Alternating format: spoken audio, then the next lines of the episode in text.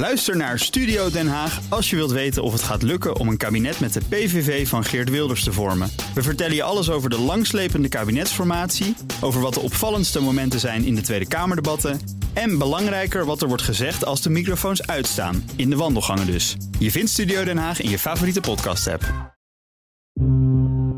Hier hing veel meer aan vast dan dat. Dit was hun, hun woonruimte, hun leefomgeving. En die mensen konden uh, een dergelijke boodschap helemaal niet aan. En die heb ik ook niet gebracht. Ik heb het uh, geprobeerd om dat een beetje in het midden te houden.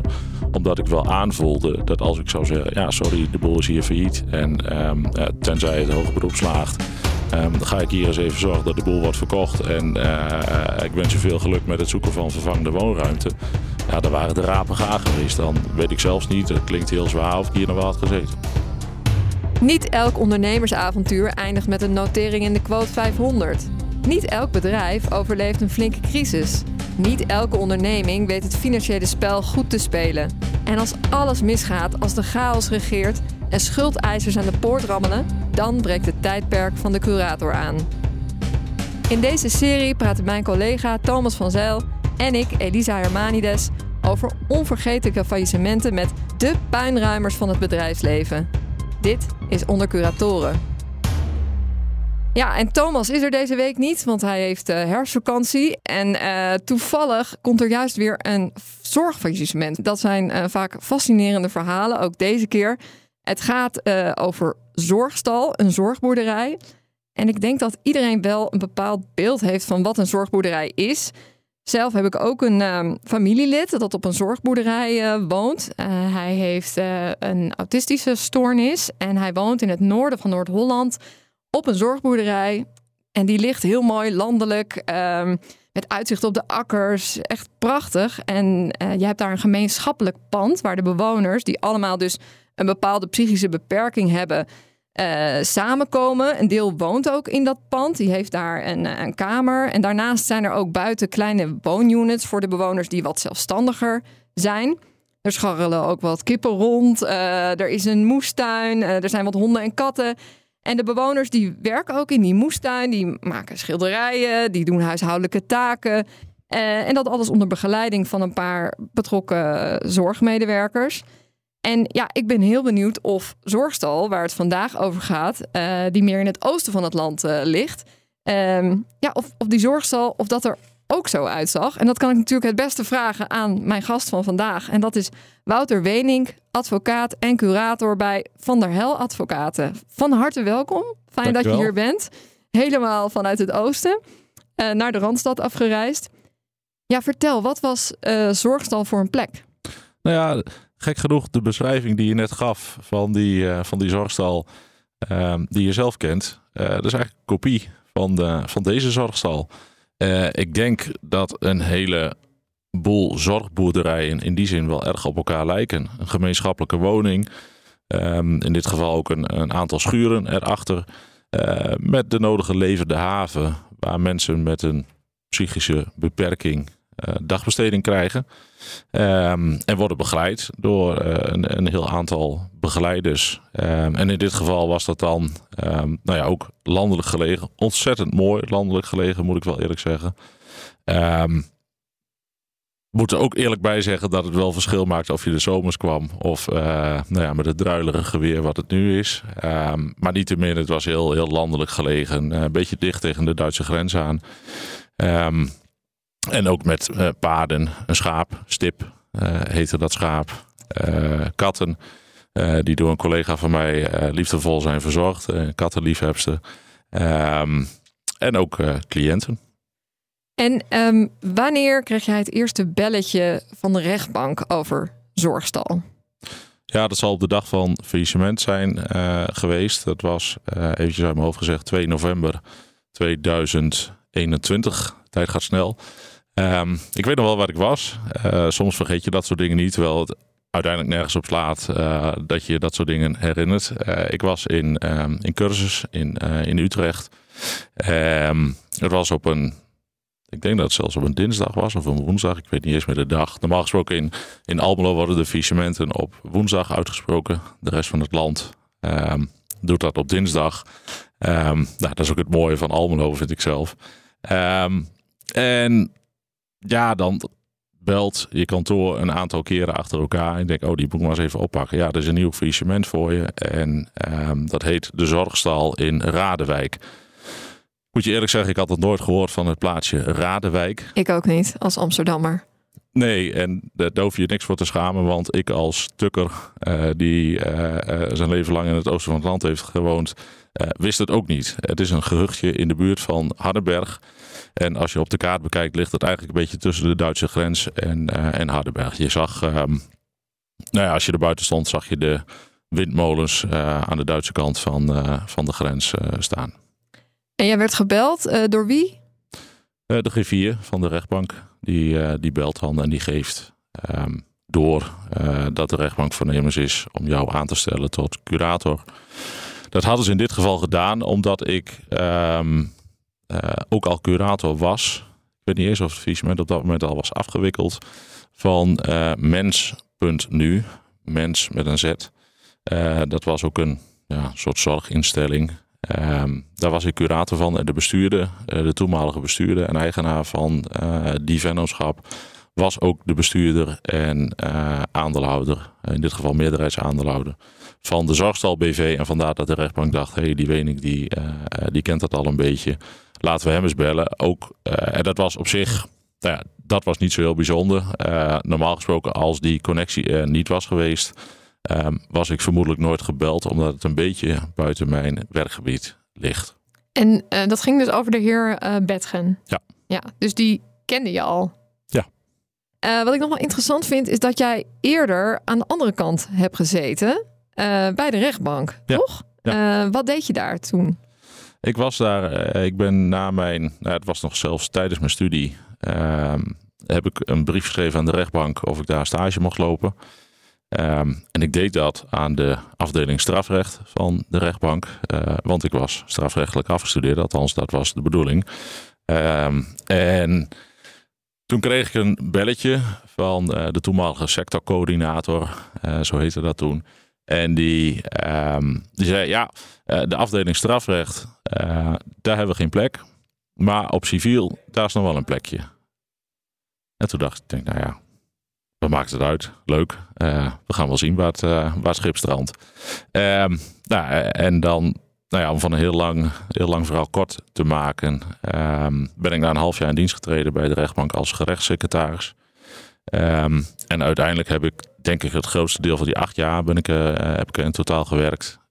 dan was ik gerechtssecretaris, zeg maar, de ondersteuning van de rechters en van de rechterscommissarissen. Um, in schuldsaneringen en voor een klein deeltje ook in, uh, in faillissementen. En dat vind ik wel interessant, want wij praten hier natuurlijk altijd met curatoren. En dan hoor je dat het ook een soort black box is, hoe dan ja, zo'n uh, curator wordt uitgezocht en dan wordt gebeld uh, ja, om een faillissement te gaan doen. Maar voor jou is dat dus geen black box.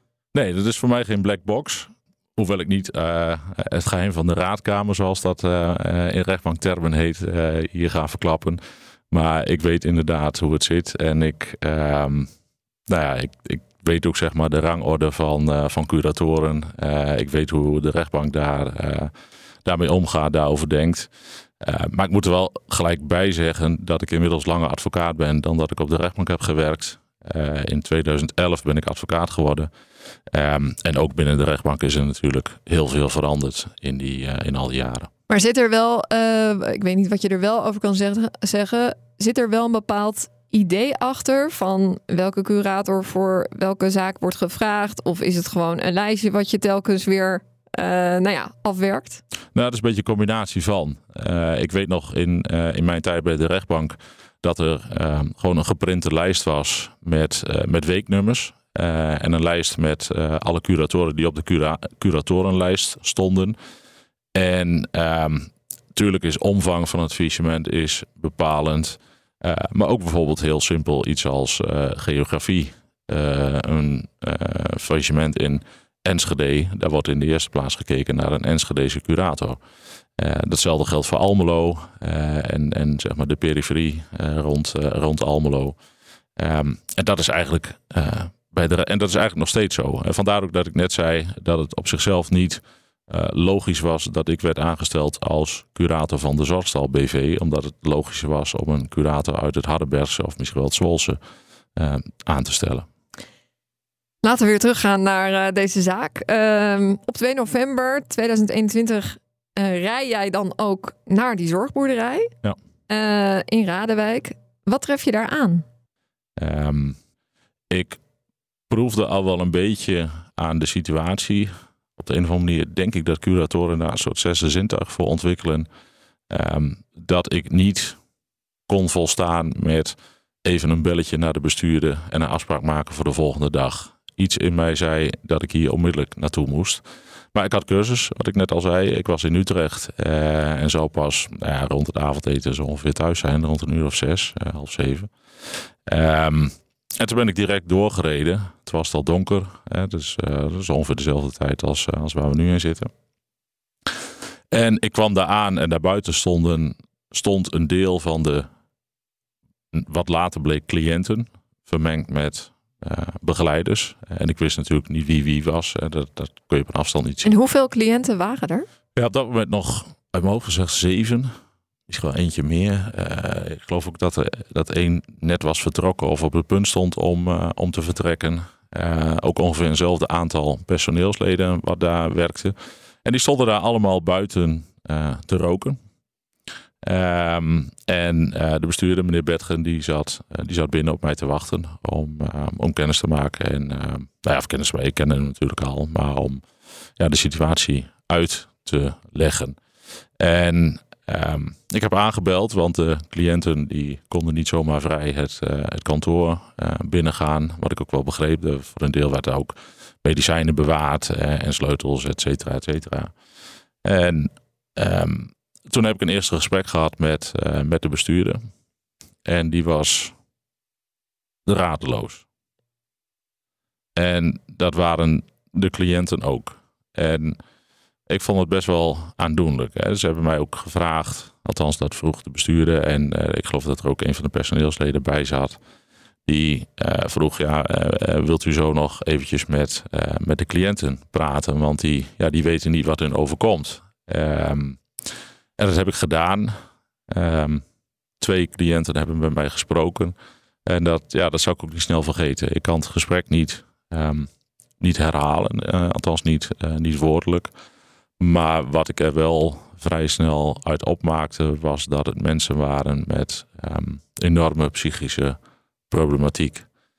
Um, die een andere, mag ik zo zeggen, behandeling nodig hadden dan wat je normaal als curator gewend bent in een faillissement. Ik had vrij snel in de gaten dat dit veel verder ging dan het klassieke curatorenwerk, waarbij je een inventarisatie maakt de activa verkoopt, het personeel ontslaat, um, zorgt dat het personeel, dat is nou, misschien, ik neem aan de stokpaardje van uh, de meeste curatoren. Ik, uh, ik, meestal zeg ik, we zitten hier nu in een studio en de microfoon waar ik in spreek, um, mocht BNR failliet gaan, zeg maar, ja, die staat er morgen ook nog wel. Um, maar de personeelsleden van, van BNR, die moeten wel eten en drinken. Dus daar gaat de eerste zorg naar uit. En dat week hier, hier week dat ontzettend af van dat normale patroon in een uh, faillissement. En de bestuurder was radeloos in die zin dat hij, dat bleek mij achteraf, um, ja, in ieder geval lange tijd, jaren, dat weet ik, uh, uh, weet ik niet, maar heel lange tijd al aan het vechten was tegen het systeem. Klinkt zo groot, maar ja, ook overal tegen muren opliep. Of het nou ging om bouwvergunningen, om gedoogconstructies met de gemeente, om indicaties die nog um, in de lucht hingen. Um, uh, maar ook de problematiek van de cliënten waar die mee om moest gaan. Hij had te maken gehad, ook zelf uh, vertelde hij later, met, uh, met bedreigingen. Hij zat met een, ja, zeg maar een, een tussen aanhalingstekens nalatenschap van de voormalig eigenaar. Um, waar ook wat gekke dingen waren gebeurd. Dus de, de man wist totaal niet um, wat hij er nou mee aan moest. En dan kom je daar als curator binnen en dan ja, klampen mensen zich soms bijna letterlijk aan je vast. Dat is wel, uh, wel apart. En ja, het lijkt me überhaupt heel lastig dat uh, nou ja, cliënten die een bepaalde zorg nodig hebben, uh, die wel op dat moment een thuis hebben, daar bij de zorgstal, ja. dat zij ook de boodschap krijgen van, nou ja, dit staat op de helling. Uh, het lijkt me überhaupt al complex om psychische problemen te hebben. Maar als je dan ook dat nog te horen krijgt en je weet niet hoe lang kan ik hier nog blijven, waar ga ik naartoe, ja. is er überhaupt een andere plek voor mij? Ja, Uh, dat lijkt me heel heftig. Ja, dat, was, dat was heel heftig en dat is ook heel lang heel heftig geweest. En dat, wat ik net ook zei, dat, in die zin week dit ook erg af van uh, het stereotype faillissement. Uh, waarbij je, even heel plat gezegd, zegt, nou ja, luister, er is hier een faillissement. We gaan de activa verkopen, we proberen een koper te vinden. En met een beetje mazzel lukt dat. En krijgt u in geval van personeel allemaal nog weer werk. Kan het hier nog weer doorgaan? We gaan kijken of we de boel weer aan de praat krijgen, et cetera, et cetera. Um, maar hier hing veel meer aan vast dan dat. Dit was hun, hun woonruimte, hun leefomgeving. En die mensen konden uh, een dergelijke boodschap helemaal niet aan. En die heb ik ook niet gebracht. Ik heb het uh, geprobeerd om dat een beetje in het midden te houden. Omdat ik wel aanvoelde dat als ik zou zeggen: ja, sorry, de boel is hier failliet. En um, uh, tenzij het hoge beroep slaagt. Um, ga ik hier eens even zorgen dat de boel wordt verkocht. En ik wens u veel geluk met het zoeken van vervangende woonruimte. Ja, daar waren de rapen gaar geweest. Dan weet ik zelfs niet, het klinkt heel zwaar, of ik hier nog wel had gezeten. Dat is inderdaad heel zwaar. um, je had het even over een hoger beroep. Want dit faillissement was niet aangevraagd door de heer Betgen zelf. Nee. Maar door Ja. pensioenfonds. Het pensioenfonds, ja. Waarom? Ja, achterstallige pensioenpremies. De zorgstal had een omzet van ongeveer een half miljoen euro. Ja. Um, maar de winsten die waren eigenlijk niet groter dan een nou ja, soort standaard jaarsalaris. Ja. Um, dat verlies dat liep op in de twee jaar tot het faillissement. Hoe kwam dat? Dat is lastig inschatten. E- Enerzijds doordat er um, best veel tijd en energie werd gestoken in um, het vechten tegen A, de voormalige eigenaar, B, ook uh, tegen een gemeente die, waarvan ik ook later de indruk kreeg um, dat die gemeente niets liever zag dan dat de zorgstal op zo snel mogelijke, zo kort mogelijke termijn zou uh, verdwijnen. Uh, en dat betekent dat de bestuurder in kwestie uh, met name daar al zijn aandacht en energie aan moest geven om dat allemaal recht te breien. Um, daarbij denk ik ook wat te lief was. Um, onvoldoende in staat was om een vuist te maken. en om dat, om dat recht te breien, even los van de vraag ja, dat daar natuurlijk ook een financieel uh, plaatje aan zat. Want ja, ik heb dat ook wel in het verslag gezegd. Uiteindelijk, uh, als je maar genoeg WLZ-cliënten hebt, dat is een gouden verdienmodel. Ik, ik vind dat walgelijk. Dat is de wet lang, langdurige ja, zorg. wet langdurige zorg. Dat wist ik. ik. Ik had wel wat ervaring in, in zorgfaillissementen van nou ja, jaren geleden zeg maar rond, weet ik wel, 2012, 2013 in die jaren, um, uh, waren de PGB-zorgbureaus die vierden toen hoogtij uh, met veelal uh, lieden die het verschil tussen bruto en netto niet wisten en die afdracht aan de Belastingdienst maar iets heel ingewikkelds vonden. Um, nou, daar kun je ook boeken over schrijven. Dus ik was wel iets, iets gewend en ik had ook wel eens een faillissement gehad waar, waar WMO, zorg in natura, dat kwam daar een beetje op waar dat een rol speelde. Dus helemaal onbekend in die materie was ik er niet. Maar hier kwam ik erachter um, ja, dat binnen de hoofdlijnen PGB, WMO en WLZ... dat daar ook nog weer allerlei subcategorieën waren. En uh, kwam ik er ook achter dat kennelijk... en ja, misschien reageert wel een luisteraar die roept... dat is helemaal niet zo, dat horen, dat horen we dan wel. Uh, maar volgens mij is WLZ is, uh, dat is het beste verdienmodel. 24 uur zorg, dat levert het meeste geld op. Dat is natuurlijk bizar. Maar goed, uh, daar hebben we nou eenmaal mee, uh, mee te maken. Want bizar, omdat het dan misschien gunstiger is voor, het, uh, voor de zorgorganisatie om die 24 uur zorg om dat zo te houden en niet bijvoorbeeld iemand te begeleiden naar ja. wat minder zorg. Ja, ook dat. Ook dat. Ehm, het is natuurlijk, ik vind het met alle respect te dol voor woorden dat, um, dat hier een soort businessmodel van, van is gemaakt. Uh, juist ook omdat de cliënten die een, een, zeg maar een zorgovereenkomst hadden met de zorgstal, uh, echt grote problematiek hadden. En dat zijn mensen die mogelijk een gevaar voor zichzelf ehm, of voor anderen zijn. En die, ehm, ja, die op een deugdelijke en goede manier begeleid moeten worden. Waarbij ja, het financiële plaatje, ik snap wel dat dat van belang is. Ja, dat mag niet een soort de hoofdmoot zijn, uh, vind ik. Maar goed, dat is mijn, mijn persoonlijke uh, mening. Um, en dan zie je dat dat daar af en toe wel een beetje spaar gaat. En misschien is dat uiteindelijk ook wel de oorzaak geweest dat het ook heel lastig was om ja, de boel weer aan de praat te krijgen. Nou, dat één uh, in de eerste plaats. Twee ook om mensen elders te huisvesten. Want ik zou je eerlijk zeggen, uh, ik heb wel een paar telefoontjes gepleegd. van namen die ik dan aangereikt kreeg van zorgondernemers die mogelijk wel, wel interesse hadden of mogelijk wel plek hadden.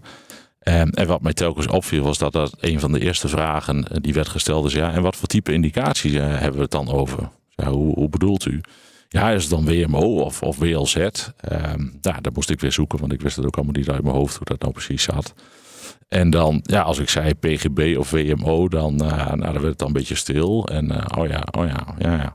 Ja, ja kun, kun je dat ook toesturen? Ja, dat gaat niet zomaar, want uh, allerlei AVG-problematiek speelt daar. Dat is de privacywetgeving, ja. ja. De AVG. En, en, en speelt daar dan, ja, en, en of er dan ook WLZ was. Ja, ja, dat is ook, ik zei, ja, dat is ook WLZ. Oh, oh, nee, maar dan wordt het interessant. Ja, toen dacht ik, ja, hoezo wordt het interessant? Ik, ik, dit, dit zijn mensen die, um, ja, die, zorg nodig ja, hebben. Die zorg nodig hebben. Maar die WLZ, dat kan veel geld opleveren als je dat slim doet als zorgondernemer. Maar bij de heer Betgen, um, nou, was dat uh, genoeg geld uh, hebben om zo'n zorgboerderij draaiende te houden. Dat was niet gelukt. Had ook wel te maken met wat anders wat speelde. Uh, en dat is dat er uh, nogal wat media-aandacht was rond de zorgstal. En dat had te maken met uh, de moord eind 2019 op Chantal de Vries. Misschien kun je kort toelichten ja, wat daar speelde of niet speelde. Um, nee, die, uh, uh, die moord op Chantal de Vries, wat natuurlijk afschuwelijk is. Een jonge vrouw, hè? Van ja, eind 20? Ja, ja, een hele jonge vrouw, eind 20 in, in Hengelo. Ik meende in de kerstnacht, um, als ik het goed heb. En de, um, ik geloof dat we inmiddels mogen zeggen, dader. Um, die was gelieerd, laat ik dan heel voorzichtig zeggen, um, aan de zorgstal of aan mens.nu. Maar hij was um, volgens mij, uh, tenminste ik heb dat niet kunnen traceren, op dat moment geen cliënt in zorg bij de zorgstal.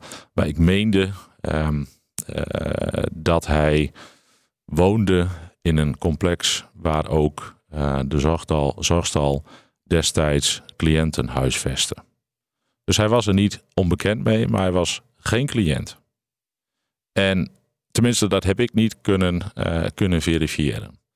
Maar uiteindelijk bleef de naam van de zorgstel um, wel constant um, om die zaak heen zwerven.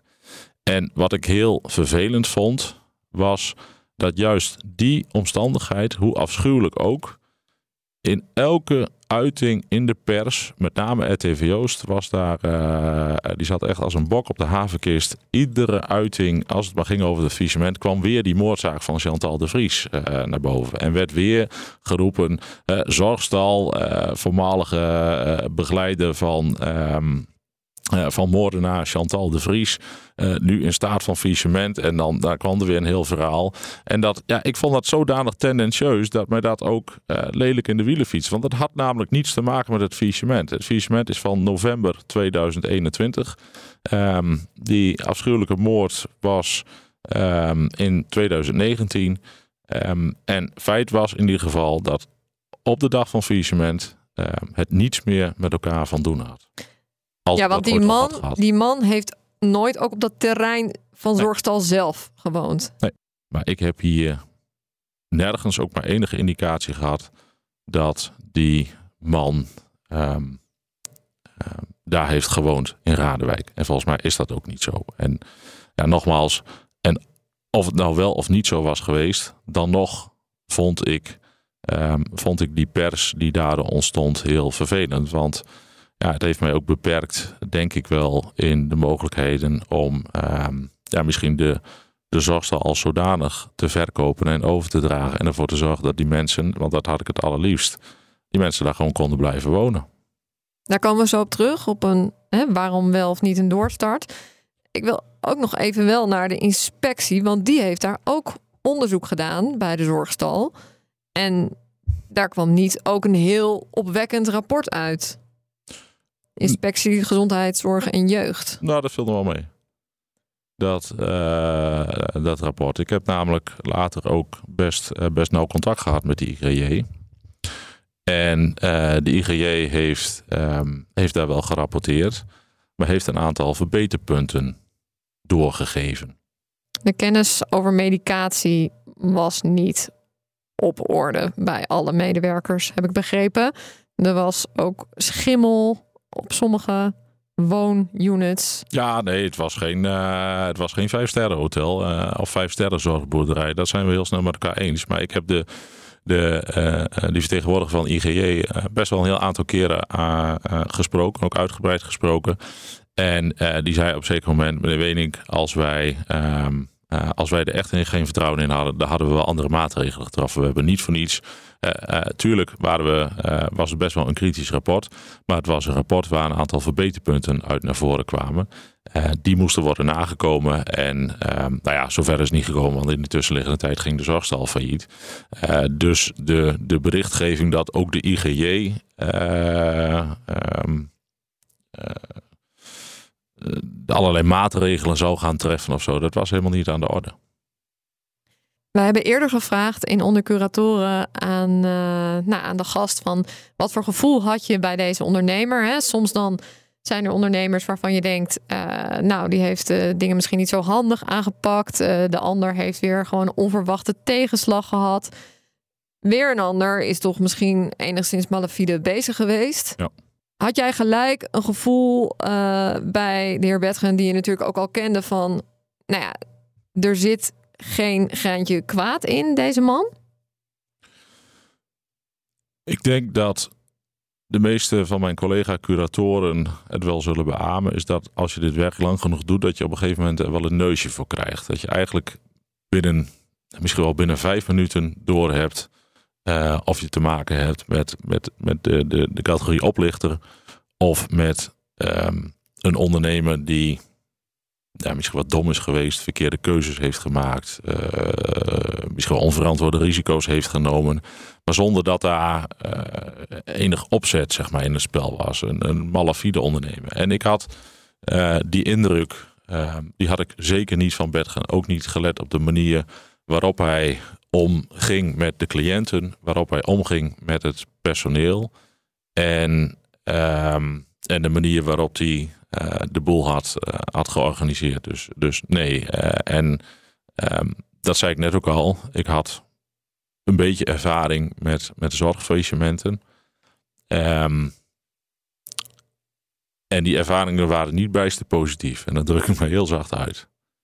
Dat heeft in een aantal gevallen ook geleid tot aangifte faillissementsfraude. Dat is een beetje de categorie wat ik net vertelde. Uh, figuren die verschil tussen bruto en netto niet weten. Uh, de Belastingdienst maar een vervelend fenomeen vinden. Um, uh, et cetera, et cetera. Ja, dat, dat idee had ik bij hem niet. En dat heeft hij, het vertrouwen wat ik hem heb gegeven, dat heeft hij ook nooit beschaamd. Kijk, als je dan daar komt, denk ik, als ik me even inleef in jou, dan denk je, uh, het beste zou het zijn als een grote, goede zorgorganisatie uit de omgeving uh, bereid is om per direct de zorg over te nemen op de plaats zelf. Ja. Was dat mogelijk? Nee. Was dat snel duidelijk? Nee. Nou ja, in die zin deed zich hier een beetje een bijzonderheid voor. Uh, ik was uh, in, de, in de voorbereiding naar dit gesprek. Uh, ben ik het dossier nog even weer doorgegaan. Want ja, de tijd schrijft voor. Er kwamen allerlei andere fichementen. Dus de, de, de hoofdlijnen en de, nou, de spannende details, die, die staan je wel bij. Maar hoe het nou precies in de tijd allemaal ging, dat niet meer. Um, maar er werd hoger beroep aangekondigd. Ehm, de bestuurder zelf zei: nee, ik ga een hoger beroep. Want ehm, ik denk dat ik de boel hier wel weer aan de praat krijg. Omdat in de onroerende zaak, die ook eigendom was van uh, de failliete vennootschap, uh, daar zat een, uh, een overwaarde in. En dat, nou, dat was ook zo. Dat kon je in ieder geval op papier kon je dat wel zien. Als je keek naar de omvang van de hypotheekschuld en uh, de WOZ-waarde van, het, uh, van het pand, daar zat daar inderdaad overwaarde in, waarvan ik inderdaad niet uitsloot dat een financier bereid zou zijn om daar om met die overwaarde als, als, als soort aanvullend onderpand nog wat te doen. Er zijn zelfs, weet ik nog, gesprekken over geweest met Rabobank. dat was de, de financier. en die stond daar niet, niet onwelwillend tegenover. Um, tenminste, dat zo, uh, zo begreep ik het. Um, en dat betekent dat als er hoger beroep wordt ingesteld, dat je dan als curator van nature een soort afwachtende houding uh, inneemt. En je gaat geen uh, stappen nemen die redelijk onomkeerbaar zijn. En je gaat niet zo snel dingen verkopen. En je probeert een beetje een status quo te handhaven. Um, en juist omdat er hier ter zitting verweer was gevoerd, moet je binnen acht dagen na de faillietverklaring um, hoger beroep aantekenen bij, uh, bij het gerechtshof. Uh, en dat duurt natuurlijk eventjes voordat er een mondelinge behandeling plaatsvindt, voordat er een uitspraak is. Ja, dan ben je zomaar een heel aantal weken verder. En um, ja, dat betekent dat ik ook niet heel actief op zoek ben gegaan naar overnamekandidaten. Juist wegens het feit um, ja, dat het faillissement ook vernietigd zou kunnen worden. Maar dan moet je het draaiende houden. Ja. Uh, de zorgstal. Um, ging dat makkelijk? Ja en nee. Dat ging makkelijk in die zin dat um, het personeel gewoon bleef. Uh, ook de slaapdiensten bleef uitvoeren. En eigenlijk al het werk wat ze voor het faillissement deden, uh, bleven voortzetten. En dat net zo gemotiveerd deden als daarvoor. Dus dat maakte het eenvoudiger. Daar helpt de overheid natuurlijk ook in mee met de, de loongarantieregeling van het UWV, die dat ook mogelijk maakt en die ook een veilige basis biedt om gedurende, nou het was in dit geval ook eh, maximaal zes weken, de onderneming nog voor te zetten. De curator heeft daar ook een wettelijke basis voor in de faillissementswet om dat te doen. Ehm, eh, wel namachtiging van de rechtercommissaris uiteraard. En dat was de ene kant was dat dus ja. Uh, en verder veranderde er niet zo heel veel. En was het beetje het, het, het, klassieke verhaal van de energieleverancier die eens belt en roept ik ga afsluiten. En dan moet je dan een, uh, um, een soort garantieverklaring voor afgeven. En de leasemaatschappij van de autootjes die uh, roept ik haal de auto's nu op. maar dat, dat is in elk faillissement zo. Wat het hier wel iets ingewikkelder maakte is dat um, de cliënten die er waren, die kregen ook maaltijden aangeboden in, uh, op de zorgstal. En daar moesten natuurlijk inkopen voor worden gedaan. Maar ja, de kas was leeg. En um, het paard moest, uh, moest hooi hebben en moest gevoerd worden. Uh, af en toe moesten dierenarts eraan te pas komen. Nou, het stip, het schaap redde zich wel. Maar de katten moesten brokjes en de konijnen en de kippen en noem het allemaal op. Um, ja, dat kost natuurlijk allemaal geld.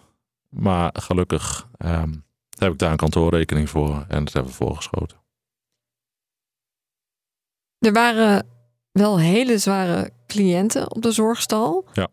Um, en ik heb begrepen dat ze ook niet allemaal een indicatie hadden.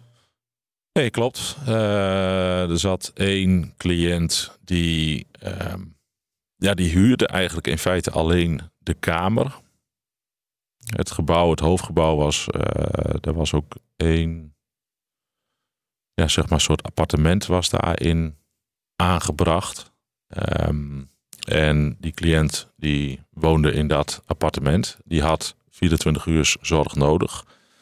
Um, en ja, die had geen indicatie. Dat, dat liep allemaal nog, maar dat liep allemaal vreselijk stroperig. En, en, en ja, naar ik, het beeld wat ik daarvan had, is dat dat ook hier en daar wat tegengewerkt werd. En mensen dat ingewikkeld vonden. Of het allemaal maar doorschoven en, en, en het allemaal niet zo spannend vonden. Maar het feit was wel dat die cliënt in kwestie uh, ook wel gewoon die 24 uur zorg kreeg. En ook die begeleiding kreeg uh, die er nodig was.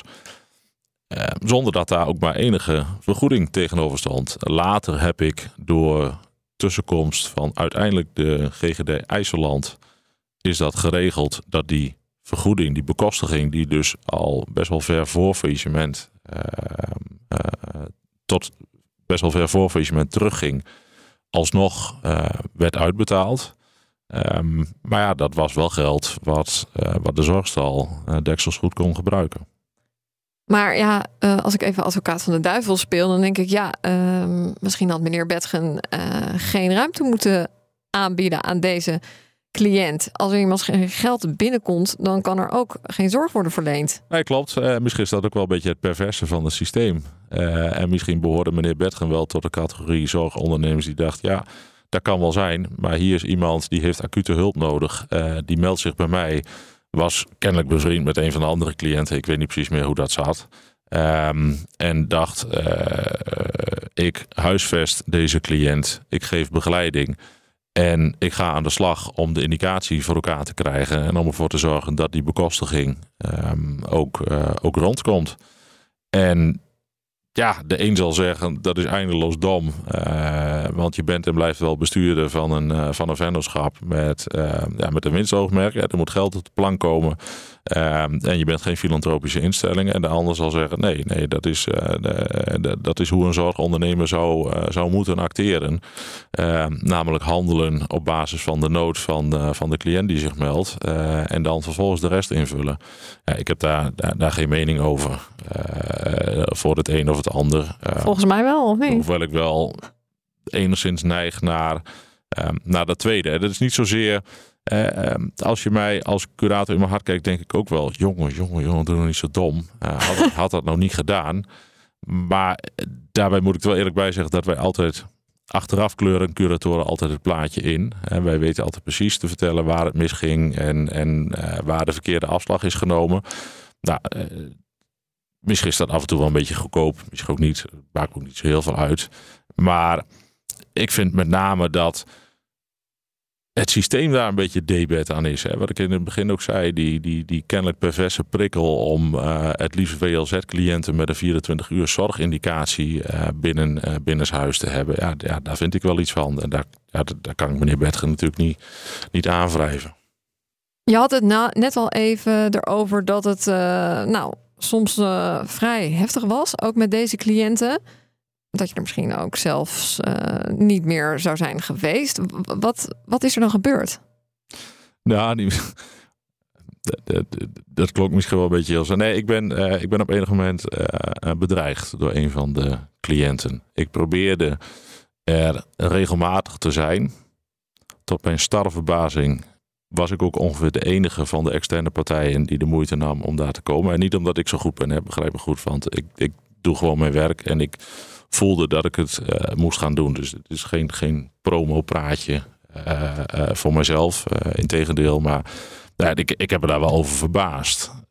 Um, de, de, welke instantie dan ook, die nou, nam niet de moeite om eens even een kijkje te komen nemen. En om maar eens gewoon met die cliënten in gesprek te gaan. En ik probeerde dat zo goed en zo kwaad als dat ging wel te doen. En ze een beetje op de hoogte te houden van, van de vorderingen die er waren. Ja, en op zeker moment um, ging, heel plat gezegd, een van die cliënten compleet uit zijn plaat. Um, omdat hij, denk ik, in de gaten had ja, dat de situatie um, ook voor, uh, voor hem eindig was bij, uh, bij de zorgstal. Namelijk dat hij moest gaan verhuizen. En dat leverde kennelijk uh, kortsluiting op. Uh, en dat zorgde ervoor dat hij, ik, ik, ik, ga niet in detail treden, maar dat hij hem uiteindelijk bedreigd heeft. En later heeft hij ook zijn excuses aangeboden, omdat het zijn, zijn alter ego was. dus een cliënt met, met schizofrenie, althans de aangelieerde problematiek. ik ben ook geen, geen psychiater. Maar dat was, ja, op dat moment was dat wel heftig en daar blijf je ook wel, wel bij. Een andere keer werd ik s'nachts gebeld tegen 12 uur aan. Dat was niet in de oudjaarsnacht, maar de, zeg maar de nieuwjaarsnacht van 1 of 2 januari. Um, dat een van de cliënten zojuist een zelfmoordpoging had, uh, had gedaan.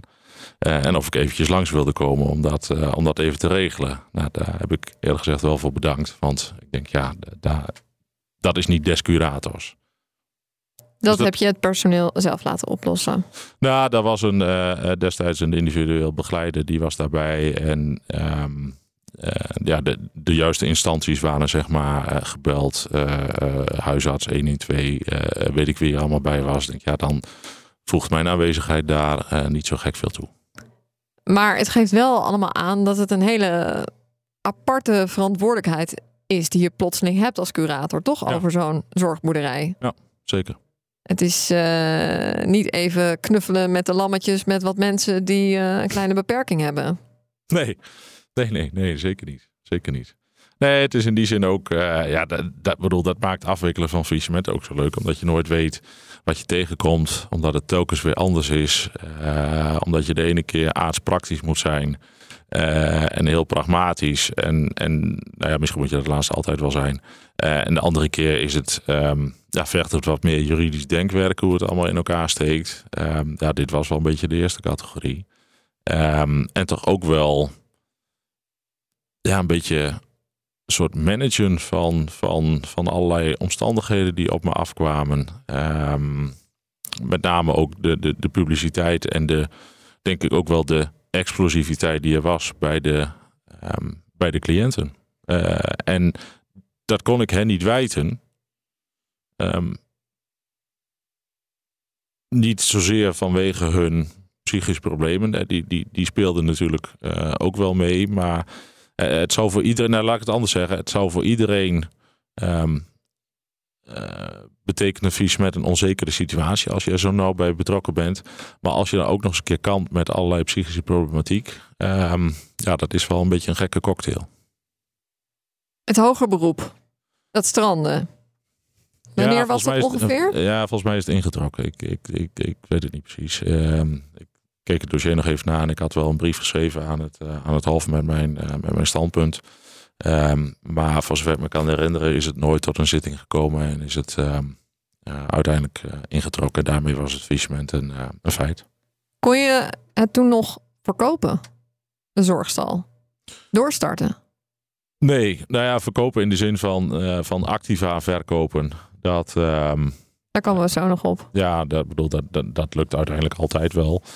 maar nee, in doorstart. nou ja, dat had ook daar maakte het hoge beroep niet zo heel veel voor uit. Eh, er waren andere omstandigheden uh, waarvan ik denk dat die ervoor gezorgd hebben dat een, een doorstart zoals ik hem voor ogen had. Namelijk, um, ik vind een koper die de onroerende zaak koopt, die de, de cliënten uh, huisvest, die het personeel weer in dienst neemt. Um, en op die manier de onderneming weer voortzet. Waren er helemaal geen kandidaten die zich melden? Ja, er waren wel een paar die eens een keer een mailtje stuurden en wel wat belangstelling hadden. Maar echt, echt concreet werd dat niet. En het kwam ook uh, door dat nou ja, uh, gedoe in de media waar je het eerder over had wellicht. Ja, ja, dat hielp daar zeker niet aan mee. Want ondertussen moest je natuurlijk die cliënten ergens anders huisvesten. Uh, nou, die cliënten hebben natuurlijk ook voor een deel familie, misschien voor een deel ook niet. Uh, die gaan dan, neem ik aan, ook aan de slag om een andere plek te vinden. Hoe, hoe heb je dat gecoördineerd of hoe ging dat? Ja, niet. Want dat was natuurlijk iets um, waarvoor je niet bent opgeleid als curator. En dat is niet om mij er met een Jantje van Leyen van af te maken. Maar dat is.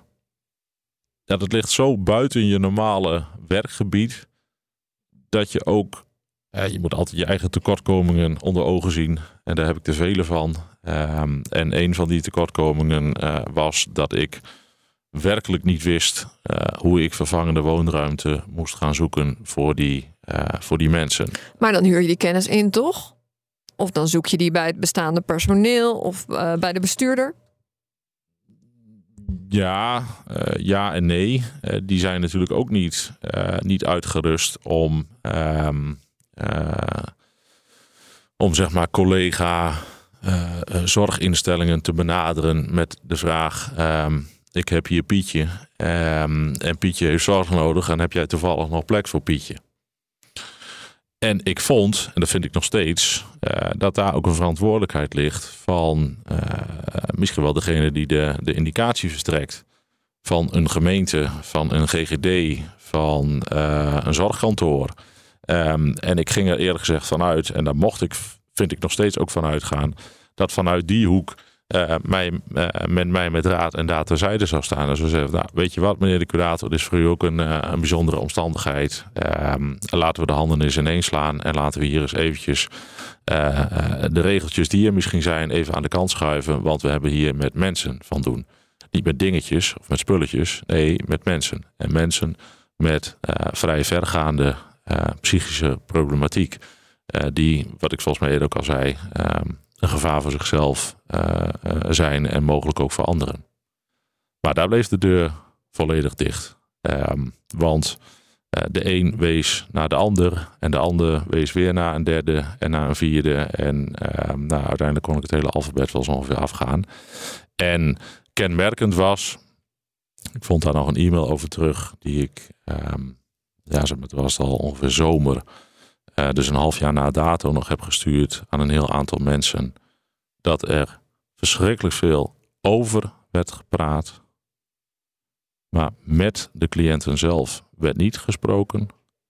Laat staan dat het gepraat werd omgezet in daden. Maar er is nooit iemand langs geweest van een naburige uh, instelling die is gaan kijken van. Hè, gewoon iemand die ter plaatse komt en gaat kijken welke cliënten kunnen wij eventueel overnemen. Niet langs geweest. Nee, nee maar ook bijvoorbeeld van, de, van het, het, het bevoegd gezag. Kijk, uiteindelijk is natuurlijk die, um, uh, die zorg wordt natuurlijk, uh, is, is, is volgens mij um, neergelegd bij, uh, bij de gemeentes. dat is gedecentraliseerd. Um, en gemeentes zijn, zijn degene die de indicaties afgeven. het zijn ook hun inwoners. En uh, datzelfde geldt voor weer een andere tak voor het zorgkantoor. Kijk, dat de directeur van de Sociale Verzekeringsbank die de PGB's uitkeert niet even langskomt, uh, dat snap ik wel. Um, maar de, um, ja, zeg maar de, betrokken gemeente. Um, en in dit geval was er ook nog een, een, een coöperatie Boer en Zorg. Nou, die, die deed wel, wel zijn best. Maar ja, moest ik hier en daar ook wel wat opporren om eens een keer langs te komen. Um, die kwamen gewoon niet. Uh, ik was er alleen. Uh, de, de enige die, die met enige regelmaat daar kwam en met de cliënten in gesprek ging en probeerde gerust te stellen. Um, van zeg maar de, de, de officiële instantie, dat was ik. En, en ze zullen, bedoel, ze hebben ook deels hun individuele begeleiders gehad, een bewindvoerder of een mentor. Um, en, en in sommige gevallen een medicijnverstrekker. Um, ja, daar waren wel contacten mee. Maar verder kwam er niemand. Uh, dat vond uh, kennelijk nee, Dus de bewindvoerders van de cliënten, die, die kwamen voor een deel wel. Ja.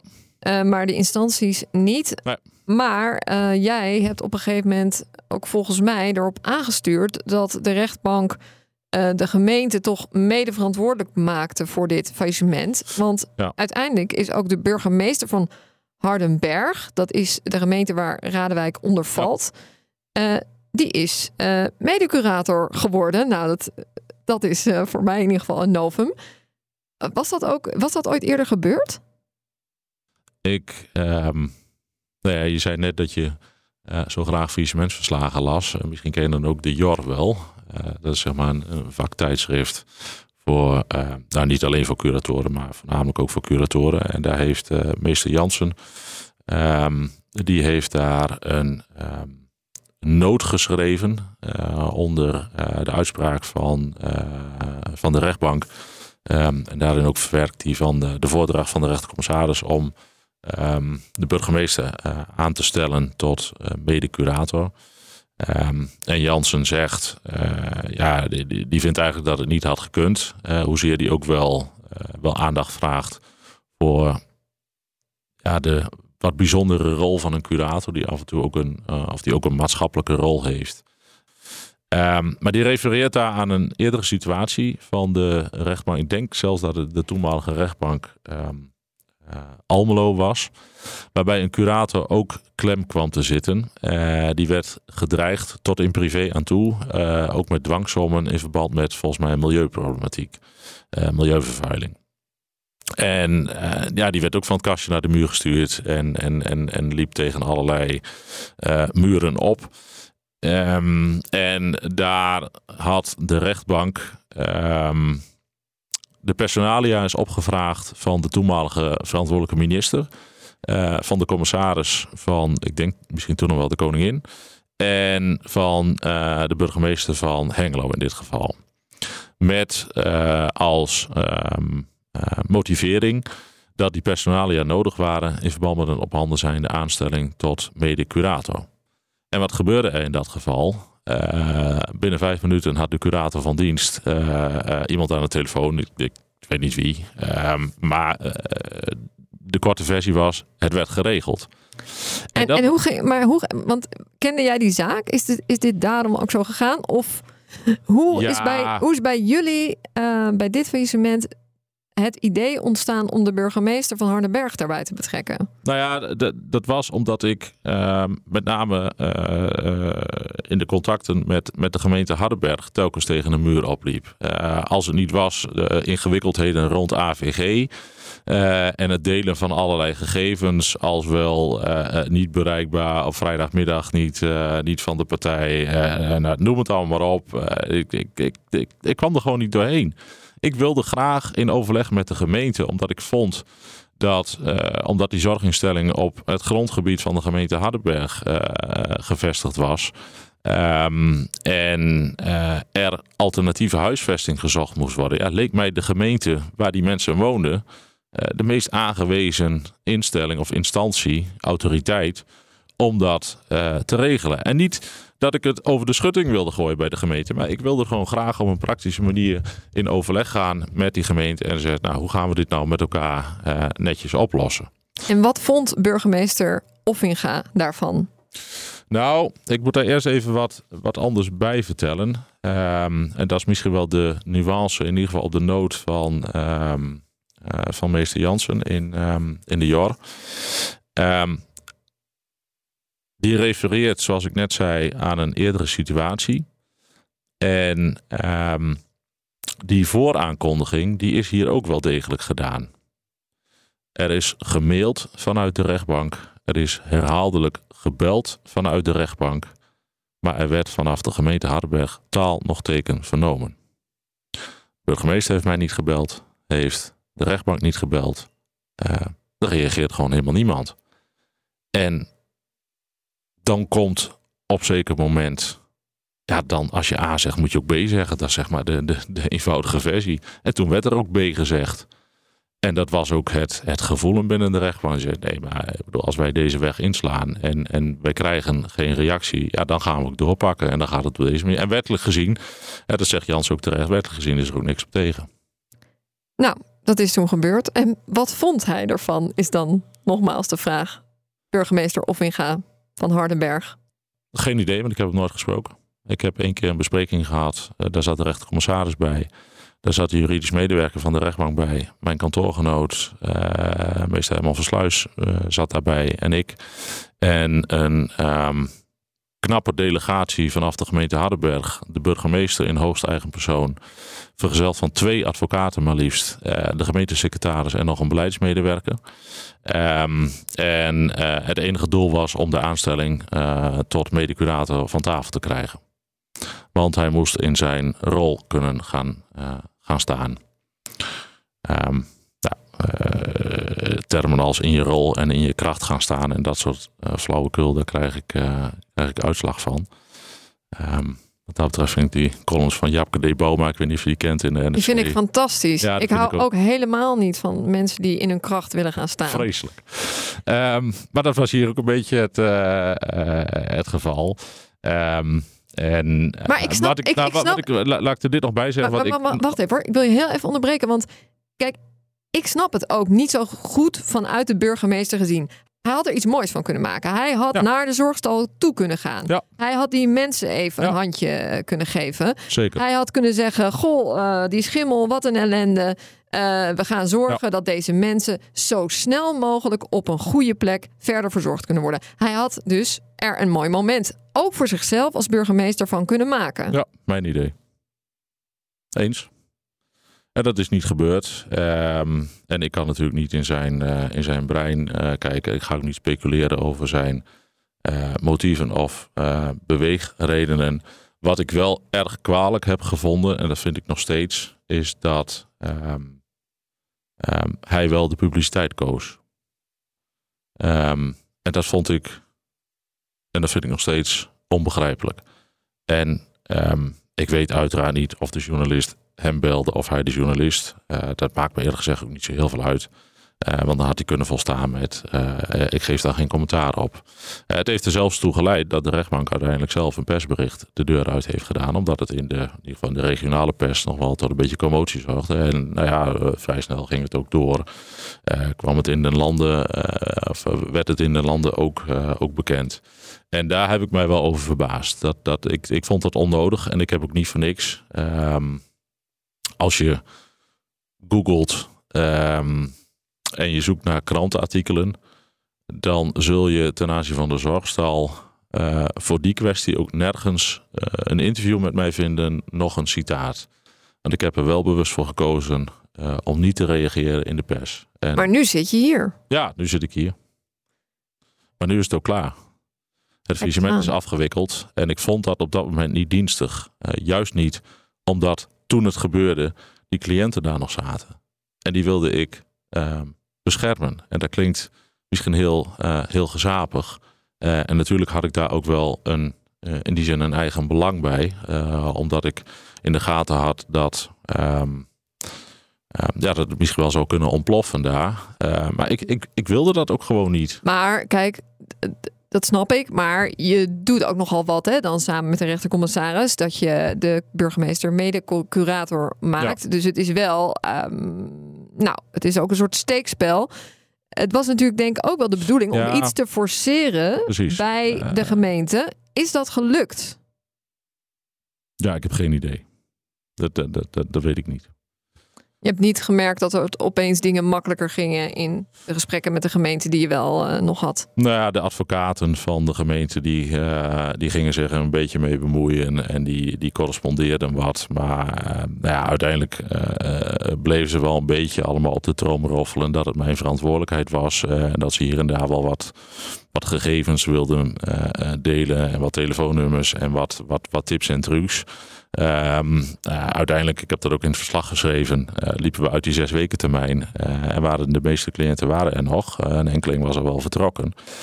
Um, ja, en dan heb je wel een probleem als curator. Want na zes weken um, Betaalt het UWV nee, niet meer door? het UWV niet meer. En, en, en, even los van, van de vraag of je dan, eh, natuurlijk, uh, en misschien in de, in, de, in de echte mega-faillissementen, daar kun je natuurlijk ook, ook de boedel kan wel uh, personeel in dienst nemen, et cetera, et cetera. Um, maar ja, dat, dat was hier niet aan de orde. En, um, Hoe heb je dat gedaan dan? Nou ja, er was een, een, een, een ZZP, uh, het is een soort ja, een soort uitzendbureau, denk ik, voor, uh, voor zorgmedewerkers die ZZP'ers in um, een soort over een pool van ZZP'ers beschikte. Die uh, gewoon op, op uurtarief um, uh, als een soort vliegende kiep, vliegende brigade zorg verlenen en gaten opvullen in, in roosters. Uh, wat op zich denk ik een heel mooi, een heel mooi fenomeen is. Omdat, dat zal iedere zorginstelling hebben, hè, dat je ergens een keer een gaatje in de rooster hebt. En dat zal bij de ene zorginstelling niet zo'n probleem zijn. Maar als je ergens 24 uur zorg moet verlenen en je hebt een paar gaten in de week, ja, dan wordt het wel wat nijpender. Um, en deze organisatie die had, die, die, die, die, um, die beschikte over mankracht. Um, om die zorg daar te blijven verlenen. daar heb ik als curator mee gecontracteerd. Um, en uiteindelijk heeft. Ik weet niet of de gemeente zelf het heeft betaald, maar dat kostte nogal wat moeite. Dat heeft ook nog wat voet in de aarde gehad. Maar is de nota betaald door. Um, ja, ik denk de gemeente Hardenberg. Ja. Dat, dat, is buiten mij omgegaan. Uiteindelijk kreeg de bevestiging dat de nota werd, uh, werd betaald. En um, het kan best zijn, want ja, nogmaals, ik, ik, ik ga je niet niet nog eens eventjes uh, stevig mijn gram halen. Uh, ik, ik, wil mijn mening wel verkondigen en die ligt in lijn met wat ik in het faillissementsverslag ook heb gezegd. en wat er intern op de burelen van het gemeentehuis allemaal is gebeurd. ik heb geen idee. Wat ik wel weet is dat, ehm, denk ik tot op de dag van vandaag, nou nu kan het niet meer, wat is verkocht. Ehm, in ieder geval de burgemeester niet, maar ook geen, geen hooggeplaatste ambtenaren de moeite hebben genomen om even een kijkje te komen nemen en in gesprek te gaan met die mensen. En dat, um, ja, dat, dat, dat, vind ik eigenlijk heel erg. Hoe is het afgelopen met die mensen? Uiteindelijk goed. Ehm, de meesten uh, zijn ehm, uh, vertrokken. Vrijwillig dan wel onder enige zachte dwang. Maar ze zijn wel allemaal vertrokken um, naar een locatie elders die ze ofwel zelf hadden uitgekozen en met zorg hadden uitgekozen, ofwel waarvan um, hun uh, individuele begeleiders, de mentoren of de, uh, de bewindvoerders, zeiden van nou, dit is goed dat je daar naartoe gaat. Dus er is niemand, voor zover ik weet, gedwongen ergens geplaatst waar hij dat niet wilde. En dat vond ik. Um, nou, dat was ook een van mijn. Dat, dat, dat, had ik mezelf ook zo voorgesteld. Dat, dat we niet in die situatie zouden belanden. En dat is ook niet gebeurd. Uh, het heeft maar het heeft wel lang geduurd. Ja, toch? ja, ja de laatste heeft, uh, is in juli 2022 vertrokken. En slaakte jij toen een zucht van verlichting? Ja, weet je wel. Ja. Ja. Wie waren nou de belangrijkste schuldeisers en zijn die nog een beetje betaald uiteindelijk? Nee, de schuldeisers worden er niet veel wijzer van in dit geval. Uh, de Belastingdienst uh, voor best veel geld. De corona-uitstelregeling was toen nog uh, actueel. Eh, pensioenfonds. En ja, nog hier en daar wel een handvol. Maar ik moet wel eerlijk zeggen dat het qua omvang van de schuldenlast nog wel meeviel. Maar zij zijn er niet wijzer van geworden. Nou, het is nog niet helemaal afgewikkeld. Maar uh, uh, wat ik nu al wel kan verklappen is dat er geen uitdeling aan concurrenten crediteuren gaat plaatsvinden. Misschien dat de preferenten nog ja, zelfs dat waar ik te betwijfelen. Want die zes weken is natuurlijk geen sinecure. Hè. Het UWV uh, deelt in die zin geen, uh, geen cadeautjes uit. Uh, terecht ook. de optelsom van al hetgeen het UWV na datumfaillissement heeft betaald aan het personeel wordt als boedelvordering bij de curator ingediend. En dat hoef je niet te vertellen natuurlijk. En die, ehm, ja, die, wordt, die gaat nog voor de prevalente crediteur eruit. En dan blijft er echt niks over. Dank, Wouter Wenink, advocaat en curator bij Van der Hel Advocaten. Mooie naam trouwens voor een advocatenbureau. Dit was Onder Curatoren. Wil je meer reconstructies van faillissementen? Abonneer je dan via jouw eigen podcastkanaal of via de app van BNR. Luister vooral ook de vorige aflevering over iSafe, de IJslandse bank die eerst heel veel Nederlands spaargeld ophaalde en daarna omviel. Dankjewel voor het luisteren. Ook Bas van Werven vind je in de BNR-app. Ja, je kunt live naar mij en Iwan luisteren tijdens de ochtendspits. Je krijgt een melding van Breaking News. En niet alleen onze podcast Ochtendnieuws, maar alle BNR-podcasts vind je in de app. Download nu de gratis BNR-app en blijf scherp.